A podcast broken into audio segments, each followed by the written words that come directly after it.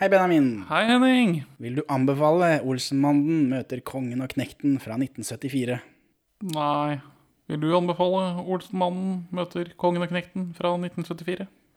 Ja Helmaks, Egon.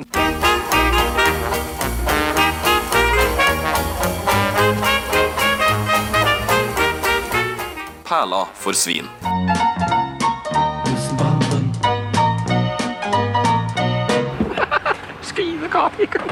Velkommen til Perle for svin, podkasten for deg som har en humiliation fetish og dermed liker Olsenmannen. Vi er to middelmådige menn i 30-åra som ser norske filmperler, og i dag så har vi sett den femte norske Olsenmann-filmen, basert på den fjerde danske Olsenmann-filmen. Ja, her er det noen muffins.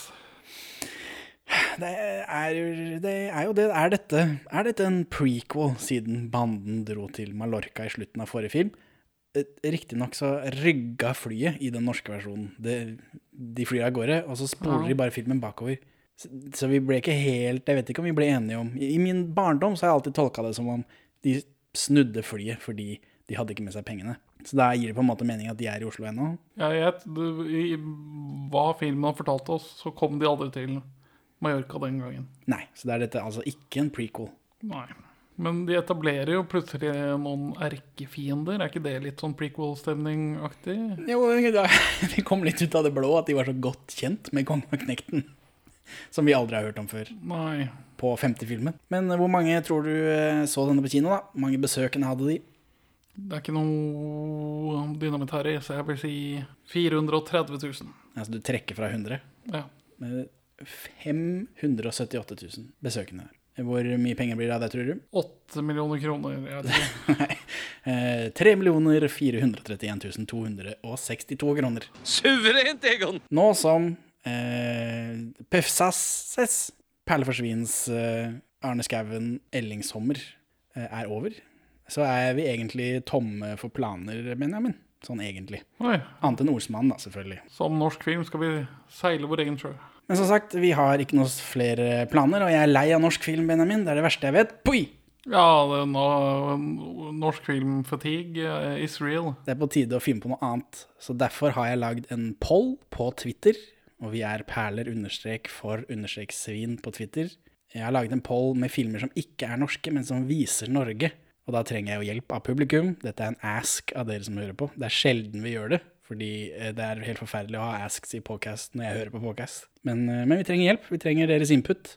Og folk kan velge mellom Cuovado, spørsmålstegn, en film fra 2016, og Wikipedia sier dette er Italien, Italias mest innbringende italienske film. Øh, En komedie om en fyr som er en av få statlige ansatte, og som staten prøver å tvinge ut av jobben sin ved å gi han stadig dårligere jobber. Og så forelsker han seg i en kollega, og hun bor i Norge, og da drar han dit hvor han blir introdusert for et nytt levesett, ifølge Wikipedia, da. Eh, Og han blir veldig eh, overrasket og, glad over at alle er så høflige, progressive og økovennlige. Eh, og det virker som veldig lite av filmen finner sted i Norge, men det er jo noe, da. Og så er det Italias mest innbringende italienske film. Jeg lurer på hva er det hva ser italienere? Eller så kan man velge The Vikings fra 1958, som er basert på Ragnar Lobrock, men med Ernst Borgnine, Kirk Douglas og Tony Curtis istedenfor hvem enn det er som spiller i den Vikings-serien som er så populær. Veldig stjernespekket i 1958. Ja da, altså med voiceover av Orson Wells. Og så kan man velge An Enemy of the People i 1978, som er en versjon av Ibsens En folkefiende, men med Steve McQueen i hovedrollen. Og da tror jeg det er fire år siden sist Steve McQueen lagde en film. Så det er liksom comebacket hans er noe, det er, det er noe han har lyst til å gjøre, da. Prøver å gjøre noe høykultur. Ja, etter å ha liksom vært sånn actiontype. Eh, og så er den siste valg man kan velge mellom er Commando Strike at Dawn fra 1942, og den skal egentlig bare representere alle disse krig i Norge-filmene som Hollywood produserte under krigen, for det er faktisk flere. Norge var liksom så søtt lite land å fremstille Så, eh, men jeg aner ikke hva den handler om, men navnet var kult, så jeg tok den. Så det er altså inne på Twitter, perler understrek for understrek svin, vi trenger hjelp. Og den pollen blir liggende ute en uke, så folk må stemme, da, så jeg vet hva vi skal gjøre fremover. Og forhåpentligvis så får jeg snike inn en oppdatering eh, i neste episode, altså danske ordsmannen neste episode, eh, så folk vet hva det er for noe. Hvis ikke så må det bli neste gang vi spiller. Så det var business. Og nå er det over på pleasure. Absolutt. Dette er Knut Bovims favorittfilm, sier han. Favoritt-Olsmann-film. Ikke, ikke generelt film. Eh, Selv om han var skeptisk til manuset først, spørsmålstegn. Forrige gang, forrige film, så snakket vi om det, at han, han hoppet over denne filmen, for dette er jo dansk film nummer fire, og det dret han bare i. Han gikk rett over på dansk film nummer fem, for de produserer såpass fort at han bare kan gjøre det. Og han sa det var fordi manuset var ikke riktig, manuset var ikke bra nok. Men så lager han denne her året etter, da, og, og, det han, og han har sagt det er favorittfilmen hans. Og teorien sist var jo at han ville ha med eh, Harald Hedsten, for da får han mer penger. Det, høres, det, det står fortsatt for at det er en god teori. Men Og det støtter jo opp under det igjen, da, hvis dette her er favorittfilmen hans, selv om manuset var så fryktelig dårlig så han måtte hoppe over det. jeg kom i fare for å bli informert av eh, godeste Wikipedia om at denne filmen er basert på et norsk originalmanus. Det stemmer. Oskar Stein, Steingrimsen har skrevet om til norsk, da. Han har også skrevet om For full musikk. Men hva forskjellen er, det vet jeg jo ikke før vi ser den andre, og det har vi ikke gjort ennå. Ja, for jeg så noen si at den hadde elementer fra den danske. og Det blir jo spennende å se om disse endelige Det blir veldig spennende. Om de liksom Nå, nå skjer det.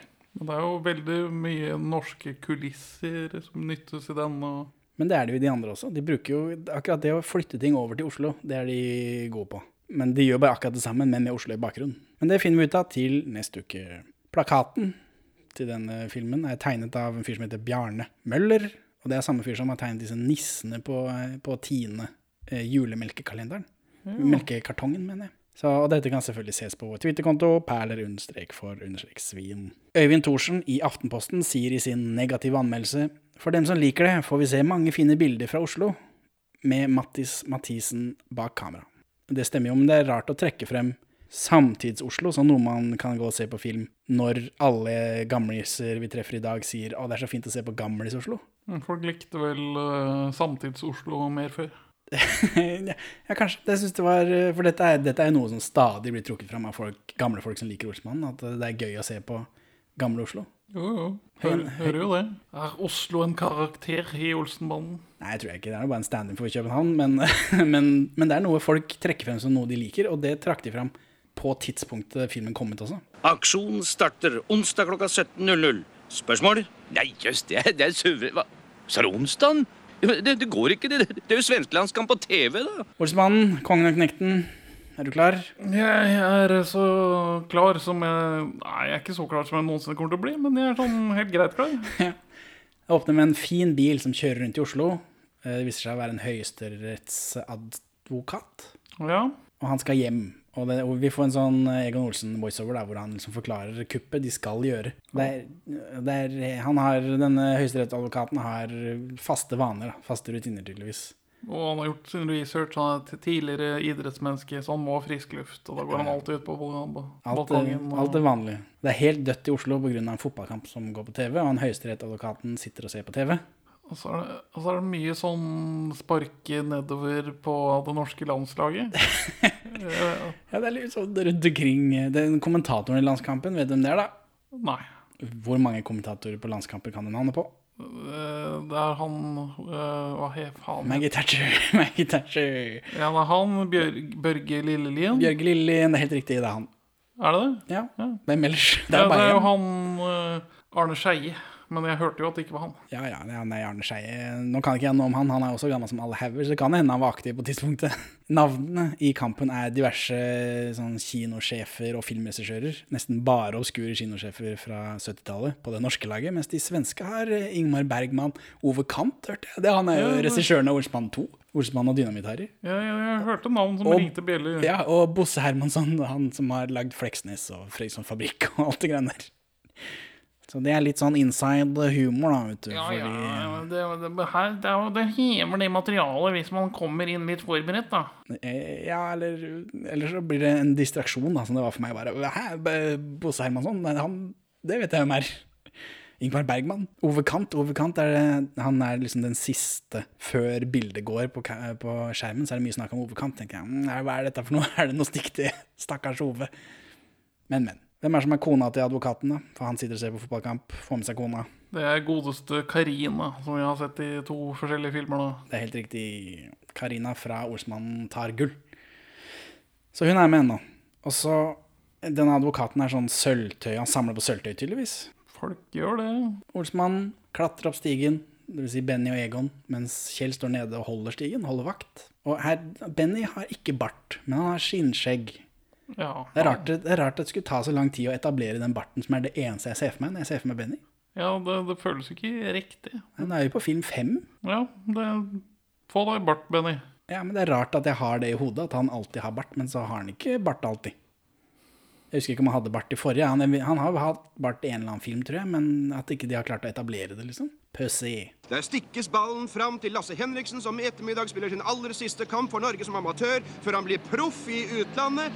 Bosse Hermansson der. Der takler Hermansson ham, og det gjør han for 134. gang i ettermiddag. Så ja, så raner de, da. Så er det fotballkamp på TV. Ja, det, det tror jeg er en form for humor, at han, eh, disse folka som bor i huset er så veldig opptatt av den fotballkampen at de kan bare liksom stjele sølvtøy. Uten at det har noe å si. De putter i en sekk til og med, det må jo klirre noe jævlig. Men det er helt stille, da. Det er humor. ja, å ha litt høyt på siden enten Tandberg eller Radionett-TV. Um, det kommer vi tilbake til. Men, uh, Gjør vi det? Ja, vi gjør faktisk det. Men, Kommer tilbake til Tandberg-TV, uh, som er et merke gamle TV-er. er en, en norsk produsent av lyd og bilde og datautstyr. Ja, beklager. Som er i kvalitet et, i verdensklasse. et merke gamle TV-er som ingen bryr seg om, andre enn deg. Ja, det er greit. Uh, men det, er- det er dette begrepet Det er svenskelandskamp på TV. Ja, for det er det viktigste. At man kan liksom ta Også, svenskene. Og så sparker vi ned på norsk fotball som helhet. For en, av, en av spillerne har sin siste kamp som amatør i Norge, før han skal til utlandet og bli proff. Ja, og så er eh, eh, Og dommeren er dansk. Den jævla dommeren er sikkert danske, sier de. Ja, for Sverige får en straffe. Ja. For, før dette så har Norge ledet, ledet 1-0 mot Sverige for første gang siden 1905.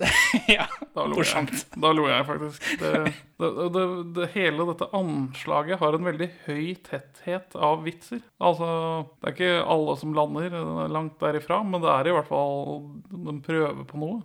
Ja, det, det er teite greier. Eh, her. Her er det teit. Her er det teit. Yes. Eh, men Kjell står nede og holder stigen, og da kommer kongen og knekten i en ganske fancy bil. Eller ikke, så fancy er den ikke. Det er ikke fancy, det er en sånn Men den er morsom. En morsom bil. Paugot CV2 eller noe, er det ikke det det heter? Jeg kan se i boka mi. Å, den jævla dommeren! Han er helt sikkert danske. Og Sveriges Ove Kant gjør seg klar til å ta det straffesparket. Han tar seg den tiden han trenger. Dette har han gjort gang Se, Jennys bil, det er en Citroën. Citroën Eh. CV2 eller noe annet. 2CV. 2CV AZL. Og den årgang 1967. 1967. Den er fransk, selvfølgelig. Status i dag borte. Den har en grønn blomst i fronten. Hva er det? Ja, det reagerte jeg også på. Sånn 17. mai-blomst, bare den er grønn. Ingen som vet hva det er? Ta gjerne kontakt på Twitter, for det jeg lurer. Det må ha vært noe. For det sto veldig ut. Man var sånn, hva er dette? Ja. Men folk dreiv jo og pynta bilene sine med sånn ræl i gamle dager. da. Jo, men jeg ser for meg at det, liksom, det betyr noe, sånn som disse armbåndene folk går med, som et sånn gummiarmbånd som har forskjellige farger, og sånn for kreft og prostatakrefter og sånt noe. Jeg så for meg at det, at det var noe. Noe spesifikt.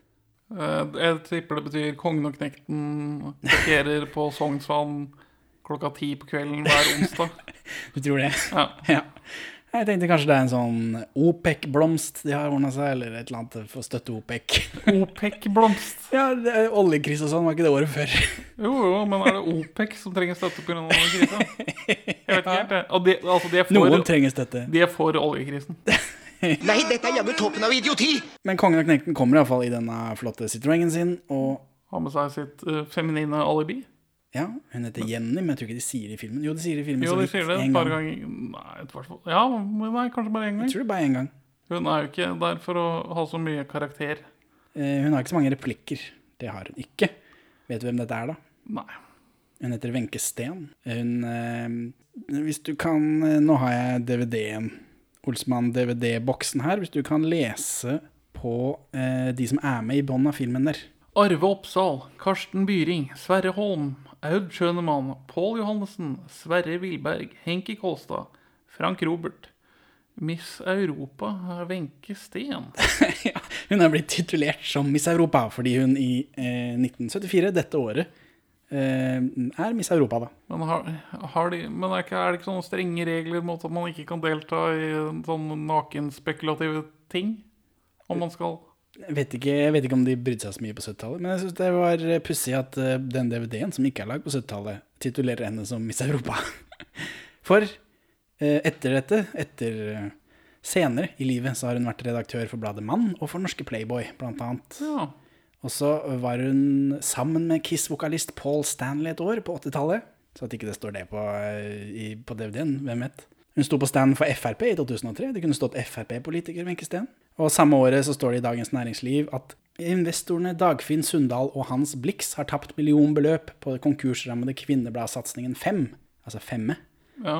som eh, hun har grunnlagt da, og eh, dritt seg ut på tydeligvis. Hun driver visst også og kjøper og selger villaer, for i 2008 så skriver E24 at hun ikke får solgt Frognervillaen til 35 millioner, som hun kjøpte i fjor, for eh, 16,5 millioner, men den ble solgt i, eh, i 2009 for 27 millioner. ja. Så den er ganske god på det òg. Eh, og, og i 2012 så er hun ute og klager eh, over at forsikringsselskapet var trege med å betale ut 1,35 millioner i erstatning for en gård hun kjøpte i 2008. Så hun kunne jo vært eiendomsspekulant, eh, Wenche Steen kunne det stått på DVD-en. Men hun har kun verdi knyttet til sitt utseende.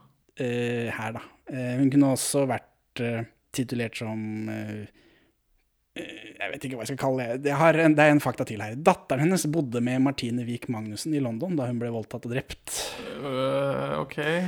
Og, selv, og fem år senere så begikk hun selvdrap, datteren hennes. Så hun, hun og eh, faren til eh, Martine Wiik eh, Magnussen er gode venner da, og, og de er ofte ute og snakker om det å miste barn, og ute og holde foredrag og sånn. Så det er ikke noen morsom måte å knytte det inn til det DVD-coveret på. Nei. Så det er Wenche Steen, da. Hun er med i denne filmen her. Vi får se rumpa hennes. Ja. Dette er for jævlig! Makan til dustemikler! Hvem er det som spiller kongen, da? Eh, Du leste akkurat alle navnene. ja, det er jo Henkel Kolstad. Henki Kolstad, som vi snakker mer om i episode 61 av podkasten Vi gifter oss-episoden.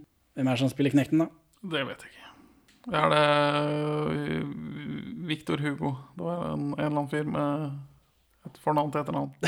ja, det stemmer. Det Frank Robert. Det er uh, bubror, bubror i Beta Betra Ja. fra Fjolltefjells. Å ja, jeg kjente han ikke igjen i det hele tatt. jeg. Nei, fordi han han er blitt uh, 1000 år eldre i ansiktet og 20 år eldre i kroppen. Men han er også en veldig god karakterskuespiller. da. Han er jo nesten ikke gjenkjennelig når han spiller to forskjellige karakterer i Fjols til fjells. Han er vel også stemmen til Reodor Felgen, så vet du det. Ja, altså I Flåklypa Grand Prix. Også Og i Guri med revrumpa. Vi har to episoder om det nå, har vi ikke det? 50 noe? Tipper Ja, det er 50 noe. noe sånt. Men i svarte! De kommer i hvert fall, og Knekten er sånn knivstikkertype. Han truer Kjell med kniv. Ja, spredt kniv. Det er jo ikke lov i Norge. Nei, er det lov å true folk med samekniv? Ja, ja, det er lov. hvis man er same. ja, det er lov å knivstikke folk med samme kniv nei, eh, men det at de nå er det vold De introduserer konseptet vold i Olsmann. Det har vi ikke sett, før, har vi det? Sånn ordentlig. Ikke sånn person mot person-vold. Det er som Nei. regel folk som blir sprengt ved et uhell. og- Ja, ja, men det er humor. Mens dette her er en fyr som har lyst til å knivstikke Kjell. Og resten av Olsmannen senere, flere ganger. Og tilfeldige folk. ja, eller han er, Dette er en psykopat, en mørdere. Hadde ikke vært for at han blir holdt tilbake av Henke Kosta. Som er hans onkel. Ja, Og Jenny er hans niese igjen. ja, altså Jenny er Frank Roberts søster. Ja, var det sånn det var? Så Ja. begge Så er begge er, er han, Henki Kosta er, er onkel til begge. Men det, da jeg så på dette som barn, så fikk jeg jo følelsen av at Henki Kosta og, og Jenny eh, liksom hadde seg. For hun går jo rundt og er veldig lett, lettkledd hele tiden. Ja, Så, og det er jo som kjent ikke lov. nei. Altså, jeg vet ikke. Jeg vet ikke. Kanskje, kanskje danskene har et svar på det. Ja, for altså, når vi først er inne på Kongen og Knekten, så nevnte jeg tidligere denne sånn, Sognsvannsblomsten deres. Og de, de er litt homoparodi, er de ikke det? Jeg vet ikke. De er jo onkel og nevø. Ja, ja, men, eh, Jeg har tatt vare på deg, gutten din, din salige mor. men begge har sånne litt sånn tullete navn og er litt sånn fiende på ting. Og Eh, Henki Kolstad snakker bare om å nyte det gode liv, og da snakker han om mat. Det er liksom ikke noe Det er ikke noen kvinnfolk. Nei, Men han har jo Wenche Steen på bakrommet. Han er, eh, han er booka opp, han for kvinnfolk. sin niese jeg vet ikke. Det er følelsen jeg hadde som barn. Da tror jeg ikke jeg kobla at, eh, at det ikke kobla familierelasjonen. Det er veldig rart. Det er rart. Hun er mye lettkledd til å være sammen med onkelen sin og broren sin Ja. på samme hotellrom. Ja, veldig. Veldig òg. Og de kaster seg sammen på senga en gang. Bare Jo, men det er musikkvideo av en eller annen mystisk grunn. Så det, der kan man gjøre det både den andre. Olsenbanden the Musical vurderte jeg også å ha en eller annen introduksjon på. Det eksisterer i Danmark, hvis ikke jeg tar helt feil. What the fuck? Eller eh, gjorde. I 2008 så har de en sånn eh, Å ja, på scenen og ikke på lerretet. ja, ja. Flaks. Dansk er ikke et språk som låner seg til sang. Påstand. Kickflippa vil. Kickflippa snill. Yeah! Eller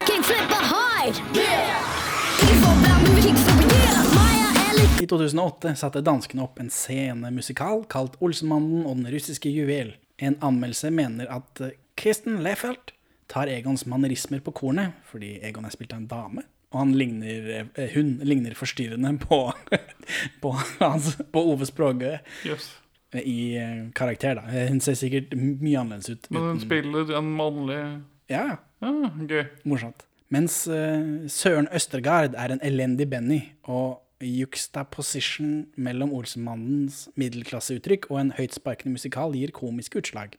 Anmelderen Louis Pedersen og Esben Hansen i Aberden mener også at musikalen ikke har den samme politiske snerten som filmene. da. Nei, det er jo dette Dette politiske snertgreiene Ja, kjenner vi igjen fra norsk film. Eh, Og musikalen er satt i 2008, altså det er en samtidsmusikal hvor Putin kommer på Danmarksbesøk sammen med en diamant som de skal ta, da. Ja. Men det er ikke noe Det virker ikke som det var noe sånn supersuksess. Det var bare, jeg har bare funnet det i 2008. Det er ikke, av en eller annen grunn ikke gjort om til norsk.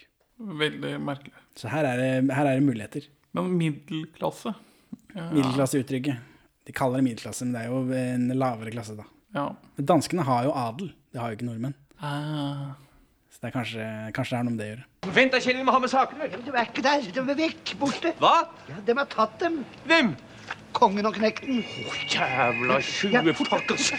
Eh, ja, Kjell blir nesten knivstukket. Eh, han blir veldig redd. Åh, og så senker Egon og Benny ned byttet, alt sølvtøy, i en pose, etter at de først har, etter at de har tatt tekanna, kaffekanna deres også, og putta oppi sekken. Så de har jo varm kaffe oppi sekken, men det er ikke noe problem. Det er ingen som tenker på. Kan det hende at de fikk helt av det aller siste der. da. Ja, hvem vet. Den kanna skal i hvert fall være varm. Uansett, de tar det ned, og så tar kongen og knekten det, og så sier de ha det bra, og så drar de. Og så blir Egon selvfølgelig tatt der, for han blir jo busta der oppe.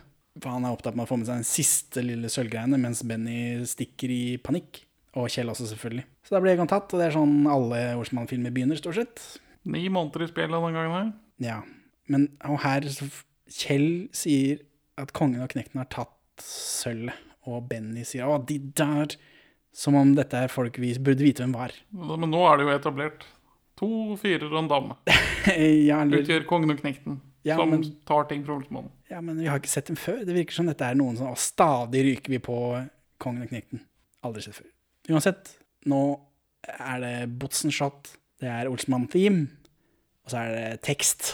Ja, for dette er jo da, som tidligere nevnt, Olsenmann the Musical. Men dette er vel en greie for å selge flere Olsenmann-singler og spe på denne inntekten.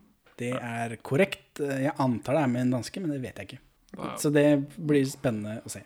Det, det, det trekker ikke filmen opp for min del. Nei, men det, den er jo eh, gjort om til norsk av en fyr, hvis det er det han har lagt til.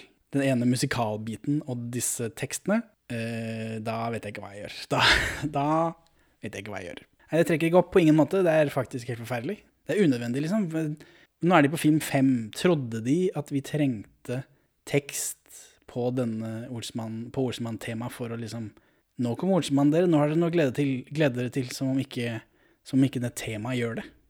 Det står jo helt nydelig på egen hånd. Det er ingen som kan høre ordsmann-temaet og ikke tenke noe annet enn ordsmannen. Det er jo Trenger ikke beskrive hvem de er og hva de gjør. Det, det vet vi jo. Det er jo Olsmannen. Ja, nei, det, det er jo bare kun, kun for å tjene penger. Ja, skulle tro det var sånn på femte filmen. I, Den er jo litt, litt snerten, den sangen, da, men den, jo, men vi trenger ikke tekst. Den, den ødelegger jo sangen også. Ja, altså Teksten er jo beskrivende. Dette er det vi gjør. Vi holder på sånn. Vi lurer politiet, tar ting. De synger forresten tekstlinjen 'Mot i brøstet'. Vi slår til igjen, vi er tidens menn, som har mot i brøst og vett i panna, ja, som menn. I teksten. Oi, oi, oi. Så, men det er to sanger da i den filmen her. Det er Kongen og Knekten som synger en sang som heter Toppgevinsten. Og så er det Olsmannen med Valborg og Basse som synger Tidens menn, som er det rælet de har tatt lagt over Olsmann-temaet. Ja, men da går jo igjen over uh, slutteksten òg. Er det bare fortsettelsen av det vi får i begynnelsen? Eller Ja, Jeg det tror, eller det, det henger vel liksom sammen i Olsmann-temaet, selv om det er det er andre enden av temaet. Ja. Og i denne Jon Selås-boka som jeg har her, den ene norske Olsmann-boka, så står det at disse to blir utgitt på EP som bandens eneste. Men det fins en EP utgitt i 1969 også, i forbindelse med den første filmen. Med Olsmann-team, antar jeg. Jeg har ikke klart å finne den. Eh, ja, høre på den, liksom. Men den står skrevet opp i, på internettet. Og så eh, er det et spor på den som heter Tre musketerer. Vet ikke hva det er for noe. Og I tillegg så er det en 1982-utgivelse ja, ja, fra Det kriminal, kriminalitetsforebyggende råd. Slår til mot Olsmannen, heter den. Den har jeg. Nå har jeg pakka alle tingene mine i en eske. Men der er det Olsmann-theme, eh, spilt av politikorpset eller et eller annet sånt noe. Og det er bilde av Olsmannen på, og det føles litt sånn halvoffisielt. Jeg tror ikke du bare kan gjøre det, selv om du er politiet. Nei, nei det, det er sikkert Det er noen som har snakket sammen. Ja, og på baksida av den appen er det også en oppskrift på hvordan du skal hindre folk i å ta stjele sykkelen din. Så det er, det er noe greier. Ja. Det er noe promo et eller annet slag for politiet. Jeg Ja. vet ikke. Så, men det får vi ta når den tid jeg får tak i den. Får den ut av esken sin. Men på 70- og 80-tallet så var det veldig billig å få trykt opp vinyl og kassetter i Norge. Tydeligvis, da. Endelig om er vi klare igjen til å gjøre nye bravader framfor store slem. Men tilbake til filmen, da. Egon kommer ut. Basse er nå blitt en lang slamp. Han var ikke så gæren sist. Nei, nå, nå begynner det å dra seg til her. Eh, og ja, det er det vanlige. Nå er det uten bilen, da. De står liksom og flagger. Eh, Eller Egon kommer ut, da, går oppover. Det samme vanlige. Og så kommer Hermansen. Han holder på å kjøre ned Egon i bil. Dette er jo noe vi så i de to første filmene, ikke det? At, Egon, eller at Hermansen liksom kommer kjørende etter at Egon har gått ut. Ja.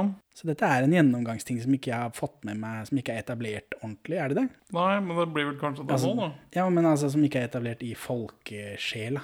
I Olsmann-folkesjela. Dette er ikke noe som er med hver gang. Nei, nei, nei. nei. At vi har det i huet, på en måte. Sånn som at Egon går ut, og de står og venter. Det er noe vi liksom har med. Det er noe som skjer i Olsmann-filmer. Ikke det at Hermansen kommer etterpå. Nei, men det spørs, kanskje det bare skjer i de filmene hvor Hermansen heves litt i sin birolle. Ja, eller det kan hende det bare skjer i disse, og så liksom sklir det ut. Og det er derfor det ikke er sånn. Men uh, det er noe vi må holde styr på, tenker jeg. Sjekke. Og de sier at Egon har sittet inne i ni måneder. Høyesterettsadvokat. Søkkrik. Kjempeinntekter. Null i skatt. Suverent, Egon! Høyesterettsadvokat skulle tro hvis du brøt deg inn hos en høyesterettsadvokat at du fikk litt eh, strengere straff, men eh, Ja, For her er jo litt av den politiske snerten i gåsetegn. Altså, det, det, I den monologen til Egon og før de gjør dette brekket hos eh, sølvtøy, den søltøysamlende høyesterettsadvokaten, at uh, han ikke betaler noe i skatt. Så er det hjemme hos Kjell, da, rundt kjøkkenbordet der, og hvis du følger med, så skjuler de øletikettene. For de er redde for alkohol, eller forbudet mot alkoholreklame som trer i kraft året etter, i 1975. Oh, ja. Så nå er det slutt. For før så har det vært veldig mye liksom, De har jo vært på Ringnesfabrikken, spilt inn der. Det har vært veldig mye ølreklame. Ok, det, det fikk jeg ikke med meg her. Men er det ikke en senere sekvens hvor flaskene står litt friere? Eller er det vørterøl det står på de da? Eh, det vet jeg ikke, men de skjuler iallfall etikettene. Basse skal konfirmeres. Det er liksom det store som Kjell har å gjøre i denne filmen her. Stå til konfirmasjon. Det er veldig viktig. Og så syns jeg Sverre Holm, Benny, blir han yngre og yngre. Han ser veldig ung og fresh ut. Ja, nå minner han mer om omringet uh, Benny. Ja, jeg vet ikke, jeg synes han, var, han ser veldig ung ut. De andre ser ut som seg selv, men han ser, jeg følte som han så, var eldre i forrige film. Han har vel, al al alkoholismen hans går vel opp og ned nå? Kanskje, hvis ikke han er sånn Benjamin Button-type. Og kuppet i denne filmen er fire millioner i kontanter. Det er momspenger fra fellesbanken. Ja. For moms er jo noe dritt. Så det er liksom greit å ta. Det, det sparker jo oppover. Ja, og så er det dette med at eh, Benny og Kjell vil ikke være med, for det er dette millioner og sånt. Det blir liksom aldri noe greie på. Kan vi ikke ta noe mindre, da, som vi kan faktisk komme unna med? Så de begynner å lære, da. Og spesielt Valborg er selvfølgelig imot det, uten at hun er med akkurat her. Ja, akkurat, men akkurat her så bryter jo hun med sin formel og kjefter på gutta for at de skal være med, fordi de trenger penger nå som Basse skal stå til konfirmasjon. Ja, fordi de, de vil ikke være med, men de blir med og spaner likevel. Så vi får jo se denne bilen og alt dette greiene. Jo, de bøyer jo av etter å ha fått kjeft fra Valborg. Jo, men det er etter det igjen. Kjell må spørre Valborg om han får lov. Og da begynner Valborg å kjefte på Egon som vanlig, og så kjefter hun på Kjell og Benny. eh, Og så syns hun at de er dumme mot Egon. Og der så er hun Hun har liksom kjefta alle rundt, og så har hun endt opp med at, at Egon er bra. Så hun er pro Egon. Det er liksom det hun ender med. Selv om jeg tror hun begynner anti-ego. Det er en lang tirade, iallfall. Ja, og så er det Valborg står for en del sånn callbacks til tidligere filmer for å sammen i Olsenband-kontinuiteten. Ja, i Olsenband Extended Universe. For her er det snakk om at Kjell har begynt å synge i bakgården igjen. For å få penger til en konfirmasjon. Ja. Ja, Som en annen trekkspillkonge. Og callback til vår episode, Omringet. De må ha masse dritt da, til det kuppet, annet veikjegler. Så de kjører bare etter en fyr som setter ut veikjegler. Humor, eller? Det varte litt lenge for meg. Ja, de, dro den litt langt. Og så ble det sånn Ja, jeg har tatt vitsen nå. Vi trenger faktisk ikke å se dem plukke opp alle de 26 eller noe som man kaller kremmerhus. Ja, sier kremmerhus, tenker jeg Men jaha. Men jeg vet ikke Jeg tenker på sånne papir, jeg, da. Ja, jeg tror kanskje det er meningen at vi skal tenke på det i papir. At det skal være morsommere fordi vi tror de trenger så mange kjeder. For den drar de på. Og så trenger vi 26 kremmerhus. Og Kjell bare Hæ, 26 kremmerhus? Og så, for da fikk jeg tid til å tenke hva er, hvordan skal dette kuppet fungere? Er det, var det, var det, er det meninga fra filmen? Brudd med forventninger er lik humor. Jeg vet ikke om det var humor, eller om det bare var liksom at de skulle få meg til å tenke, og at jeg skulle engasjere meg i filmen. på en måte. Jeg vet da faen, jeg. annen film skal få deg til å tenke. ja, jeg vet ikke. Det føltes sånn ut siden de dro sånn på det, for det virker ikke som Kjell heller vet hva kremmerhus er for noe. Så knuser de den frontlykta på den bankbilen som kjører pengene, for de må ha den inn på verkstedet, så de kan skjære hull i bunnen. Det er en ganske snedig plan. Ja, men det er klipt så åpenbart at uh, Bovim ikke ville ødelegge den bilen de hadde.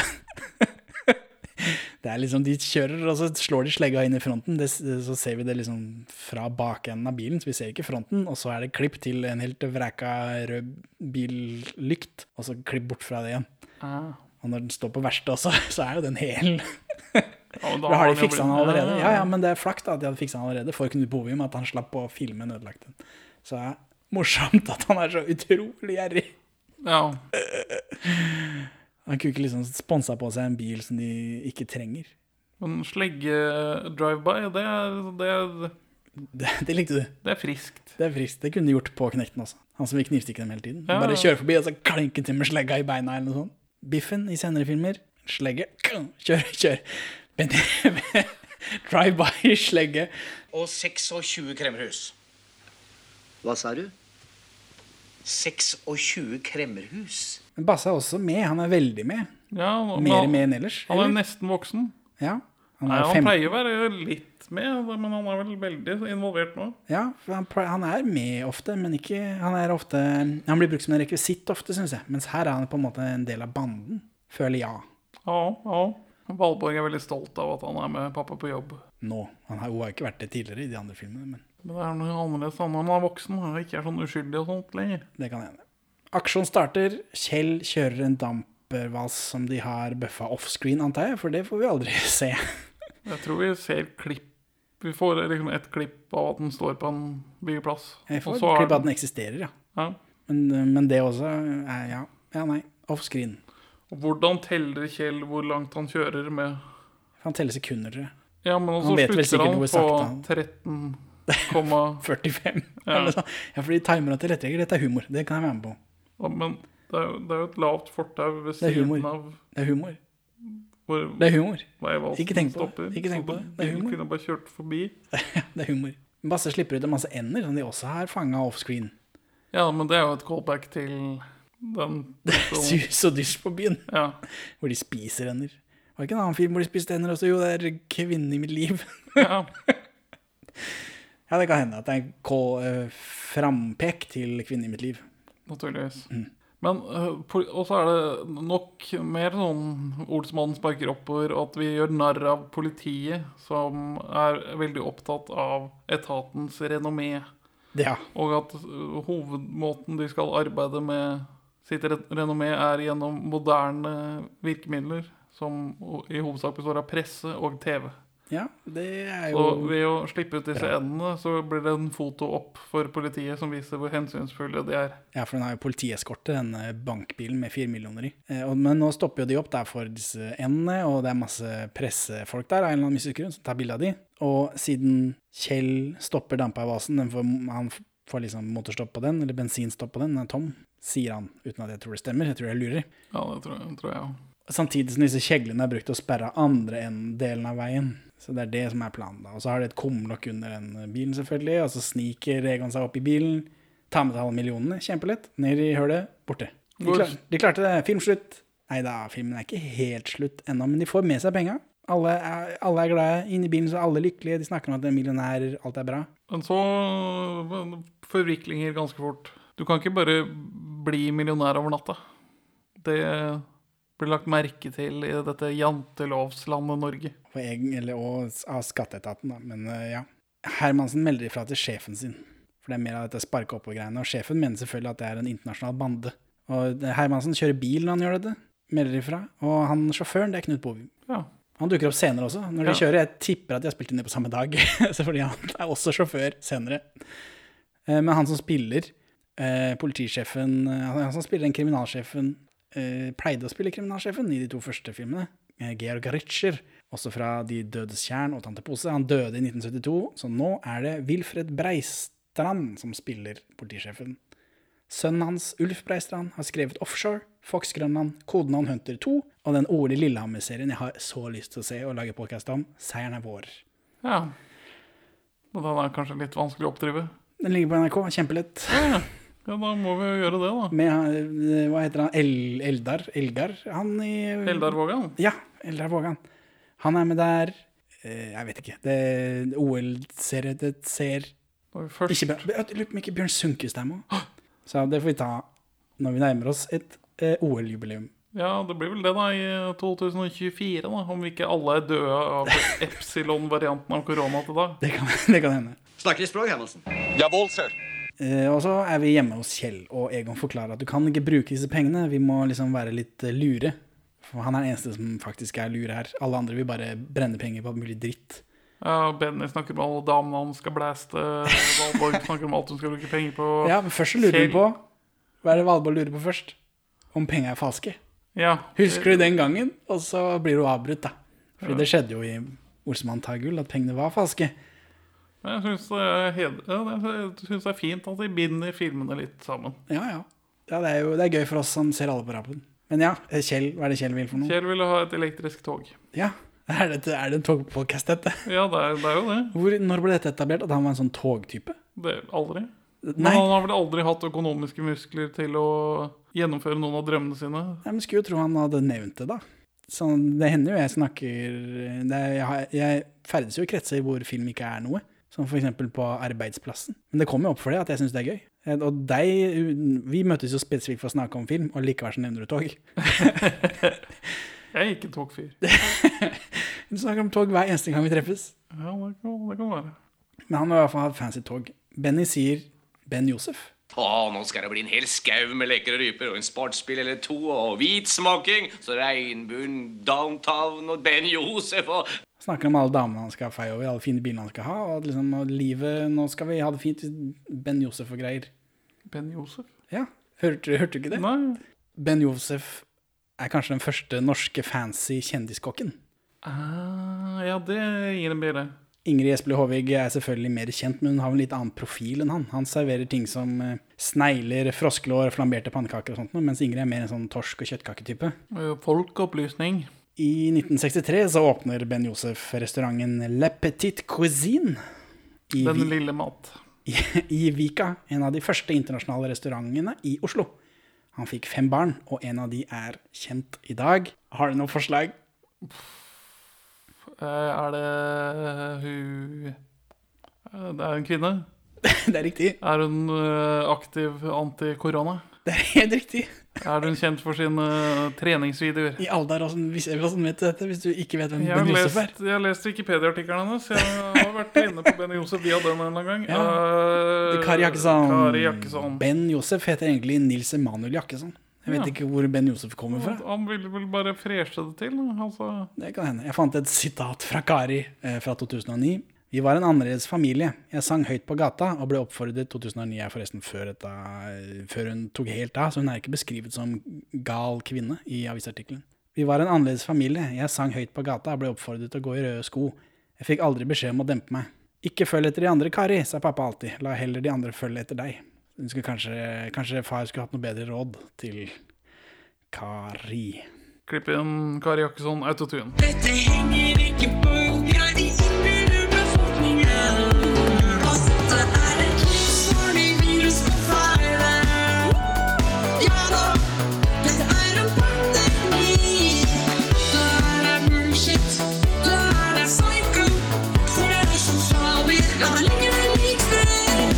Det ringer på døra, og det er visst pelsselgere, eller noe sånt. Ja, sånn på, på bestilling. Var det på bestilling? Ja, det, det, jeg fikk veldig inntrykk av at så fort Ja, for det gir mer mening, for jeg tenkte liksom For det virka som det var sånn dør-til-dør-greier, men på Nei, det er sånn fra forretningen. Det var en spesifikk pelsforretning. Ja, for det hørtes ut som hun hadde prøvd den, og tenkte jeg, dette gir ikke noe mening.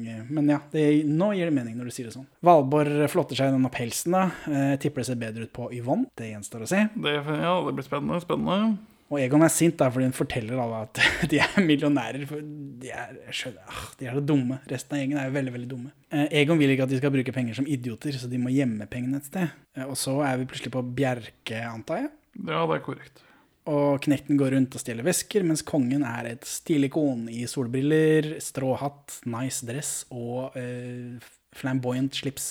Men sølvtøypengene er borte da han plukker jo opp en sigarstump på bakken for å røke videre på den. Ja, brukt det på banen kanskje, da, jeg vet ikke. Kongen og knekten er de eneste som forstår at dette firemillionerskuppet er Egon, fordi han, politisjefen mener at det er en internasjonal bande, litt sånn som i første filmen. Og knektens første respons er å knivstikke Egon. Han vil knivstikke. Ja, Fram med kniven. Og så får vi se banden i badetøy, hvis du vil se noe lekkert. Ja, vi, vi, vi får ikke bare sette dem i badetøy, vi får se dem i skikkelig sånn stumfilm-badetøy.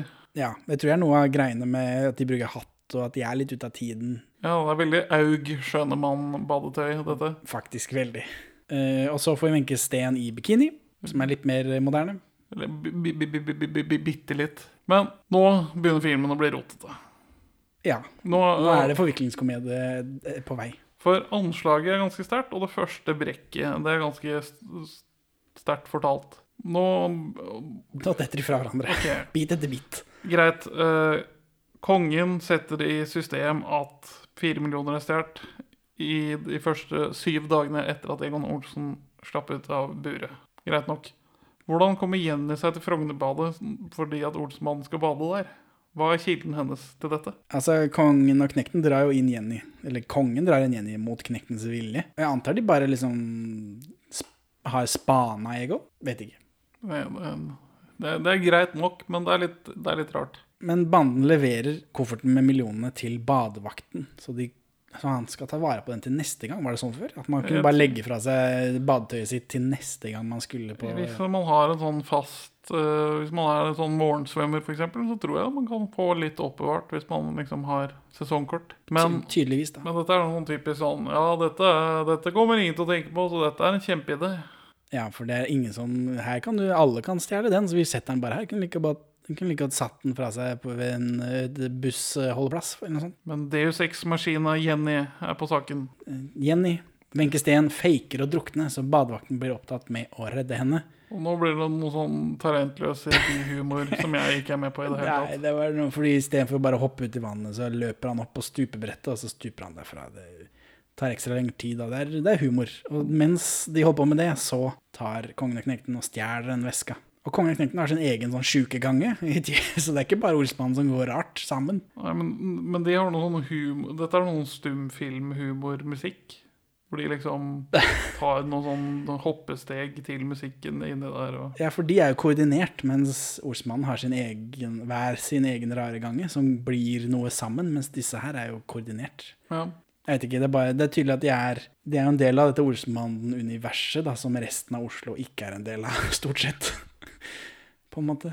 Ja, og så er det vel sangen Dance Men på et eller annet vis. Ja, det er det òg, men det er, liksom, det er en, det anakronistiske med Olsmannen. Da, at de bruker sånne dumme badedrakter og har hatter og sånt. Og de er også en del av denne anakronismen, føles det som. Det er vanskelig. Det, det, I motsetning til Jenny, som stikker seg veldig ut.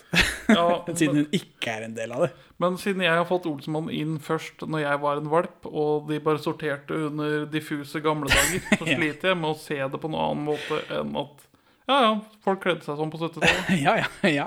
ja, men nå har det jo Det blir jo juxtaposition med Wenche Steen da, som i bikinien sin. Så da syns det veldig godt, eh, plutselig. Og her nå, eh, banden driver basse, prøver dress. Han syns han ser dum ut. Dresselgeren ber han holde kjeft.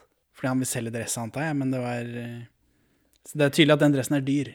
Og Valberg sier at Kjell må holde tale når hans eneste sønn skal konfirmeres. Hvor er de to andre sønnene Ja, det føltes også som et slags callback å gjøre et så- så stort poeng at han bare har én sønn. Hvis ikke det er gaslighting av publikum. Ja, det kan det jo være. Hva skjedde med de to andre sønnene, da? Hvor er de? Hvor er barna? De, en gang Egon røyk inn, og det var litt skralt med penger, så var det vel en sekk i Akerselva, da. Er ikke det man gjør? Et elektrisk tog. Hæ? Elektrisk tog? Ja, sånn med skiftespor og, og, og, og penser og, og signalmaster med rødt og grønt lys og lokomotiv og, og tunnel. Hold kjeft! Kongen og knekten kom kjørende i en flott bil til Grand Hotel. Og her hadde vi sett Egon-restauranten nede i gata, for her ser vi liksom på opp mot eh, slottet. Ja, det syns ikke så godt fra Du ser disse Den uteplassen er jo, er jo gjerda inn med Egon-skilt. Ja, det er sant. det er sant. Vi hadde sett Egon-restauranten, hadde den eksistert. Dessverre så gjør den ikke det. Og, eh, for de, så de går inn der de lever det gode liv. Olsmannen er tilbake hos eh, badevakten. Badevakten tilbyr 100 kroner fordi han har rota bort kofferten. Og det er jo altfor lite hvis du har hatt 4 millioner i kofferten. Men det, det var ikke under hans mandat å vokte Vokte 4 millioner. Det er sant. Kongen og knekten spiser på Grand Café. Det har du og jeg også gjort. Det har vi Benjamin, I anledning mitt uh, bryllup. Jeg holdt tale. Det gjorde du også. Mm, Sånn som i denne filmen. Alt, alt henger sammen. Ja, ja, ja. Uh, og, men altså, banden prøver å bryte seg inn der for at de skal ha tak i disse to idiotene som har tatt pengene deres, men de blir kasta ut. Det er bare fintfolk som får spise på Grand Café, sånn som oss. Ja, naturligvis. naturligvis. Og nå er det dette hotellrommet, da. Ja, men Først så får vi en litt sånn karakter på kongen og knekten. At kongen koser seg med maten, mens knekten har et problem med å spise fancy mat. Ja, altså, vi får senere vite det i sangform at Knektens millionærdrøm, der hvor Kjell vil kjøpe togbane, så vil han bare drikke øl. Det er ikke så veldig millionæraktig. Nei, kanskje dansk millionæraktig. Men altså, fins det Uansett hvor langt ned på totempålen du er som danske, så drikker du øl hver eneste dag. Ja, Ja, ja. Det virker veldig folkelig. ja. Og så får vi noe som jeg mistenker er fra den danske på et vis.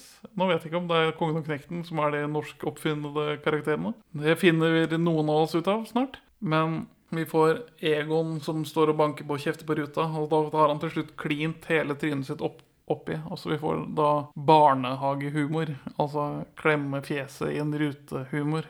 Ja, men det er masse barnehagebarn som ser dette. Du og jeg har sett dette som barnehagebarn, og Ja. vi elsket det. Men nå er det oppe den suiten, da. Knekten og kongen og Jenny. eh, De bruker bare masse penger. Vi får bare se de bruker masse penger. Nærbilde av alle krystalldetaljene i rommet og alle fancy tinga. Det er veldig fancy. Og så er det, det er en seng, og så fader kongen og knekten og Jenny inn.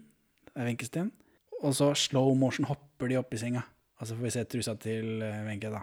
Eh, og dette her, nå tenker jeg at dette her, dette er Benjamin-ting. Han liker fortfilm og dumme kameratriks og sånn tull. Og så får vi et musikalnummer ut av det blå. Jeg tror Ja. det er det eneste i en Olsmann-film. Tror det. er Lov å håpe. Det, det blir jo veldig revy. Ja, ja, uh, ja. Vi får se om det er med i den danske. Det er faktisk veldig spennende. Det vet jeg ikke. Men hvis, det bare, hvis dette er et norsk påfunn for å selge plater, så uh, Jeg vet ikke hva jeg skal si til det. Det er, det er iallfall en oppdagelse, om ikke annet. For nå kommer det et musikalnummer, da. Knekten synger om å drikke øl. Eh, vi får se rumpa til Wenche, for hun går ned i et eh, veldig flott eh, boblebad. Jeg tror det er litt sideboob der også. Ja, bitte litt. Og så, og så er det masse filmtriks. Er veldig lite motiverte filmtriks. ja, det er fortfilm, og så er det, eh, det er, Hele greia er ganske absurd. Det bryter med virkeligheten også. Det er, knekten tar noen flikkflakk-greier, noe sånn eh, Ja. akrobatikkgreier. Det får så være. Kanskje han er helt super eh, akrobatisk til å være oppe i 50-åra. De påpeker at han er oppe i 50-åra. Men så eh, Henke Kolstad blir skutt opp i lufta. Når han hopper opp i sofaen han sitter i. Og da er det plutselig så høyt i taket at han har en gode 10-15 sekunder på å flytte stolen. Ja, Frank Robert må, knekten han må flytte stolen for at Henke skal ha noe å lande mykt på. Det er bare det er absurd tegneseriehumor i dette musikalgreiene. Det var rart. Det er Gøy for barn, antar jeg, men rart. Her skal ingenting forsømmes.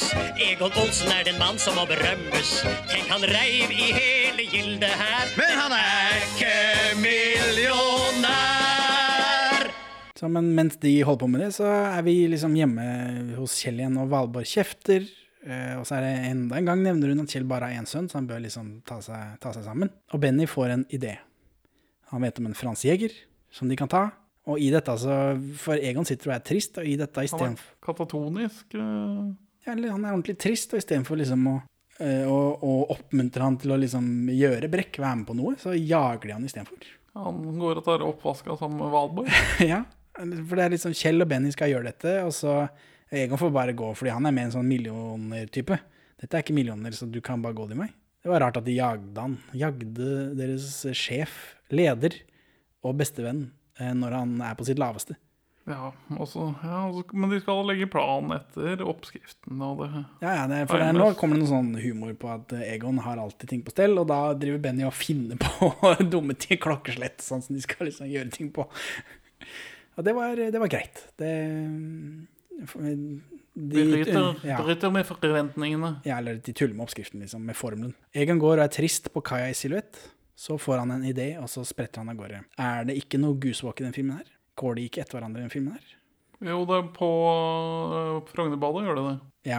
På, langs det rekkverket på Frognerbadet. Jo, men jeg tenkte sånn på kaia er jo vanlig, da, men at det er ikke, De er i i, ikke i Du får ikke silhuetten i badedrakt. Nei.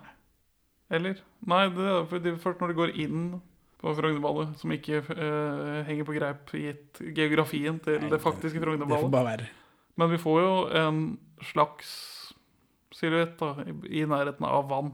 Ja, ja, men eh, det er ikke den klassiske, tror jeg. Jeg har iallfall ikke bemerket meg den. Suverent, Benny. Kjell og Benny gjør brekk. Kjell bråker masse, så eieren kommer, da. Det er ikke noe sånn spennende brekk, det er bare et fancy hus. Og så er det en eller annen fyr vi har sett før i Olsenmannen, som jager de. Ja, han er vel Han er sånn bitplayer. En av mange bitplayere som bare er med.